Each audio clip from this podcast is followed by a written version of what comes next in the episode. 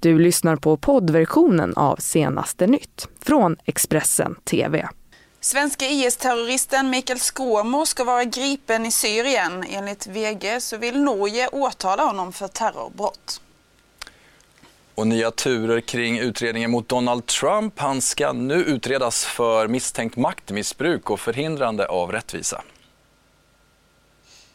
Och en litauisk inbrottsliga åtalas efter stöldturné i södra Sverige. Vi börjar den här sändningen med att den eh, aviserade hamnstrejken ju, som skulle dragit igång idag, den är avblåst eh, som bekant efter att eh, då flera decennier lång konflikt ska vara löst. Och det var ju bara timmar innan deadline som man lyckades då till slut nå ett andrahandsavtal mellan Sveriges hamnar och Hamnarbetarförbundet, det rapporterar TT om. Anledningen till den här konflikten är ju en flera år gammal tvist som handlar om vilket fackförbund som ska representera hamnarbetarna. Dessa är då organiserade i två olika förbund, nämligen Hamn och Transport. Det nya avtalet innebär att Hamnarbetarförbundet nu får samma kollektivavtal som LO-anknutna Transportarbetarförbundet. Mm, fortsätter vi utrikes och eh, nyheten om att den svenska IS-terroristen Mikael Skråmo då, har eh, tidigare uppmanat till terrordåd och eh, han har ju varit eh, välrapporterad av oss här på Expressen TV. Nu ska han vara gripen av kurdiska YPG-milisen och enligt Expressens källor så har då Skråmo kapitulerat och eh, den svenska YPG-soldaten Jesper Söder twittrar också att Skråmo ska ha gripits i en tunnel. Ja, de här uppgifterna har ju då inte bekräftats officiellt och av YPG men enligt VG så vill Norge åtala Mikael Skårmo för terrorbrott. Och eh, Skårmo har ju blivit något av ett ansikte utåt för svenska IS-krigare och har använts eh, av IS som propaganda. Men vem är egentligen den här 33-åringen från Göteborg som alltså konverterade till islam och anslöt sig till IS? Han eh, var en av de första som flyttade ner till Syrien och anslöt sig till IS. Den svenska IS-terroristen Mikael Skråmo ska nu vara gripen. Det uppger en källa inom den kurdiska YPG-milisen för Expressen.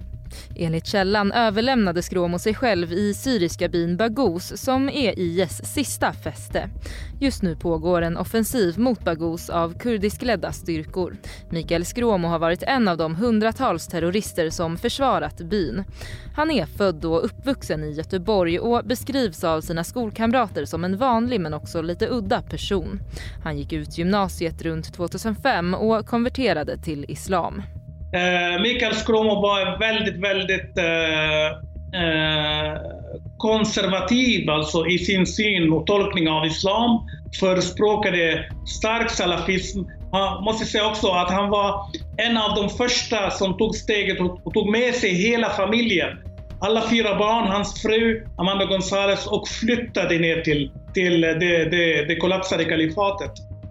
De senaste veckorna har det pågått en debatt om hur Sverige ska hantera de svenska medborgare som anslutit sig till IS och nu vill återvända. Expressens krimkrönikör Fredrik Sjösult tror att det i Mikael Skråmos fall kan bli aktuellt med en rättegång. Ja, det är väldigt intressanta uppgifter, framförallt eftersom Mikael Skråmo då till skillnad från andra svenska IS-terrorister har varit väldigt aktiv i sociala medier. Han kan aldrig komma undan med att han har kört ambulans. Han har verkligen uppmanat svenskar att åka ner till Syrien och Irak för att strida för IS. Han har också uppmanat svenskar att i Sverige begå terrordåd om man ska göra den tolkningen av hans uttalande i sociala medier. Och det gör att han kan bli aktuell i Sverige för att ställas inför rätta för att han uppmanat till terrordåd och dömas för för det här. Samtidigt kom det under tisdagen uppgifter om att Norge nu vill åtala Mikael Skråmo för terrorbrott. 33-åringen har nämligen avsagt sig sitt svenska medborgarskap och är numera norsk medborgare. Så till svensk eh, inrikespolitik där moderatledaren Ulf Kristersson nu säger i en lång intervju i Dagens Nyheter att eh, han inte längre är säker på att Alliansen då kommer att gå till nästa val tillsammans. Samtidigt så utesluter han inte att eh, någon gång i framtiden då ta makten med hjälp av Sverigedemokraterna. Ja, Kristersson säger också till tidningen att man inom den svenska politiken har varit besatt av Sverigedemokraterna den senaste mandatperioden istället för att faktiskt ta itu med de verkliga problemen. Och med det så ska det handla om Miljöpartiet istället. Mm, precis, för bara några dagar sedan så presenterade ju regeringens utredare, eh, miljöpartisten Maria Wetterstrand, ett förslag om att 30% av det flygbränsle som tankas i Sverige ska vara förnybart vid år 2030. Men nu framkommer det att hon samtidigt har haft starka kopplingar till ett företag som arbetar med just förnybara bränslen. Sverigedemokraterna har ju nu då anmält eh, ansvariga statsrådet Isabella Lövin för hur hon har hanterat situationen. Nu så KU anmäler alltså de eh, språkröret efter de här hanteringen utav uppgifterna. Tillgången på jetbränsle som är baserat på biomassa idag är väldigt liten och att det tar tid att få igång en sån produktion. Jag hade gärna sett att man hade kunnat gå fortare fram. Miljöpartisten Maria Wetterstrand var regeringens utredare i frågan om förnybart flygbränsle samtidigt som hon satt i styrelsen för ett företag som fått statligt stöd för att undersöka möjligheten att utveckla just förnybart bränsle. Dessutom ägde Wetterstrand aktier i företaget värda hundratusentals kronor. Efter att sambandet uppdagats har flera kritiska röster höjts om att det kan handla om jäv. Och nu vill Sverigedemokraterna att konstitutionsutskottet granskar hur miljödepartementet och ansvariga statsrådet Isabella Lövin har hanterat situationen. Det är uppenbart att det finns en personlig ekonomisk vinning i det och man kan ju se om man bara tittar på det bolaget som hon representerar det har ju varit kurspåverkande den informationen som har kommit. Att de har stigit med nästan 75 procent om aktierna sedan eh, man presenterade utredningen. Och eh, då blir ju frågan att eh, hur mycket har man lagt in de egna intressena i den slutsatsen man landat i eller har man bedrivit arbetet objektivt? Och från svensk politik så tar vi oss till USA. Ja, men det gör vi. För president Donald Trump ska utredas nu för misstänkt maktmissbruk och förhindrande av rättvisa. Det uppger ordföranden i det amerikanska representanthusets juridiska utskott. CNNs Jim Acosta rapporterar om detta. Faced with one of the most far reaching congressional investigations in years, President Trump doesn't sound like he's in the mood to cooperate. Uh, there was no collusion. There was a hoax. There was no anything. Mr. Trump blasted away at this week's House Judiciary Committee request for documents from 81 individuals and organizations connected to the president as part of a larger probe into allegations of Trump world corruption. Basically, they've started the campaign, and the people understand it. When they look at it, they just say presidential harassment. It's too bad because I'd rather see them do legislation Aides to the president have told CNN they may assert executive privilege to block any document demands from Democrats. Hinting that the White House will be digging in its heels, the president accused the Obama administration of obstructing Republican probes. They didn't give one letter of the request. Many requests were made. The Democratic investigations are providing the president with new ammunition for his Twitter feed as Mr. Trump called the House Judiciary probe a big fat fishing expedition desperately in search of a crime. Democrats aren't buying it. But the people who spent more than two years on the Benghazi investigation or Hillary Clinton's emails are make very bizarre champions for the idea that we've gone too far when all we've done is send out document requests a new Quinnipiac poll finds nearly two thirds of registered voters believe Mr. Trump committed crimes before becoming president, a view shared by 89% of Democrats, 65% of independents, and more than a third of Republicans. Asked who do you trust more, 50% said the president's former personal attorney, Michael Cohen. Only 35% said the president. But only 35% said it's time to impeach. Thank you all. The president did not respond to questions about reports that he had ordered White House staff to grant a security clearance to his son in law, Jared Kushner, despite concerns from the intelligence community. House Oversight Committee Chairman Elijah Cummings released a statement demanding the administration's cooperation in the matter, saying the White House security clearance system is broken and it needs both congressional oversight and legislative reform. Cummings released a letter from the White House counsel complaining, We will not concede the executive's constitutional prerogatives or allow the committee to jeopardize the individual privacy rights of current and former executive branch employees. Democrats say they won't take no for an answer.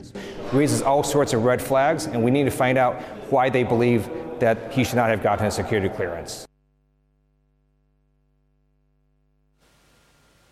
Tillbaka till Sverige igen där vi nu kan berätta om en litauisk inbrottsliga som åkt från stad till stad i södra Sverige. Ja, eh, sista stoppet blev hos Hans och Birgitta i Växjö och nu så har den här ligan åtalats. Från att ha kommit till Sverige den 21 december körde männen runt i en utlandsregistrerad taxi. Redan samma dag utförde de sitt första inbrott enligt åklagarens misstankar. Inbrottet skedde i Linköping och tjuvarna fick med sig smycken och kontanter. Men det är bara det första i raden av inbrott som trion från Litauen är misstänkta och nu även åtalade för. I tingsrätten i Växjö har männens inbrottsturné rullats upp. Smycken och kontanter tycks ha varit deras mål. Under bara fem dagar misstänks de ha brutit sig in i åtta hem i jakten på just det. Under sin vistelse i Sverige utgick de från en stuga i Jönköping. Därifrån tog de sig till Motala, Linköping, Växjö och Arboga för att ta sig in i bostäder. Tjuvarnas stöldturné nådde inte sitt slut förrän de gjorde inbrott hos familjen Bengtsson i Växjö. Hans Bengtsson berättar om hur de fick ett larmsamtal när de var på väg hem från julfirande uppåt i landet. Familjen har övervakningskameror kopplade till larmet. Den första av två kameror sitter på nedervåningen, men den lyckades bovarna riva ner med jackor över huvudet.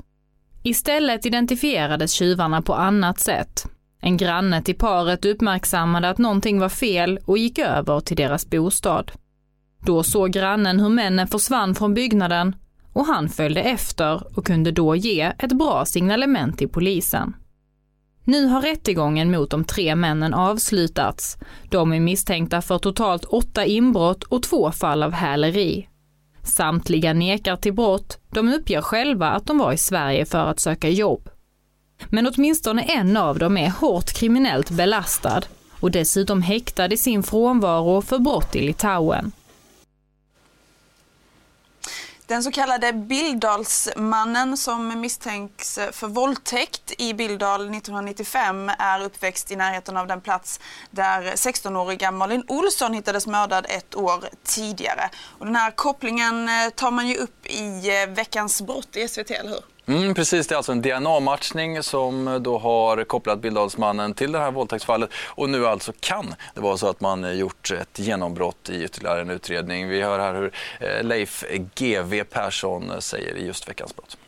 Det var alltså eh, utredarna fått träff på den här personen hur behandlar man eh, en, en sån grov våldsverkare? Börjar man söka av andra olösta fall också? Ja, det, det gjordes redan initialt kan jag säga att man tittar på andra fall, för det är en standardåtgärd. Men eh, just den här gången så var det ingenting som fick oss att höja på ögonbrynen faktiskt. Mm.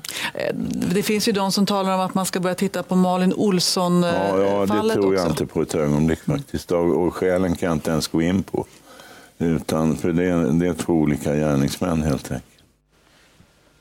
Och ska vi avslutningsvis också berätta om en försvunnen person där polisen verkar ha gjort eh, vissa hit, eh, ja, de verkar ha hittat den här killen. Ja exakt, det är bra nyheter alltså. Klockan eh, 18 igår kväll så larmade anhöriga om att de inte fått tag i eh, Simon, 20 år gammal. Han såg senast då vid busstationen i Gottsunda centrum, alltså i Uppsala, efter att ha klivit ur en taxi i närheten av den här busstationen. Och eh, nu så, eh, sen inledde polisen en stor sökinsats eh, och eh, efter Simon som alltså är eh, funktionsvarierad.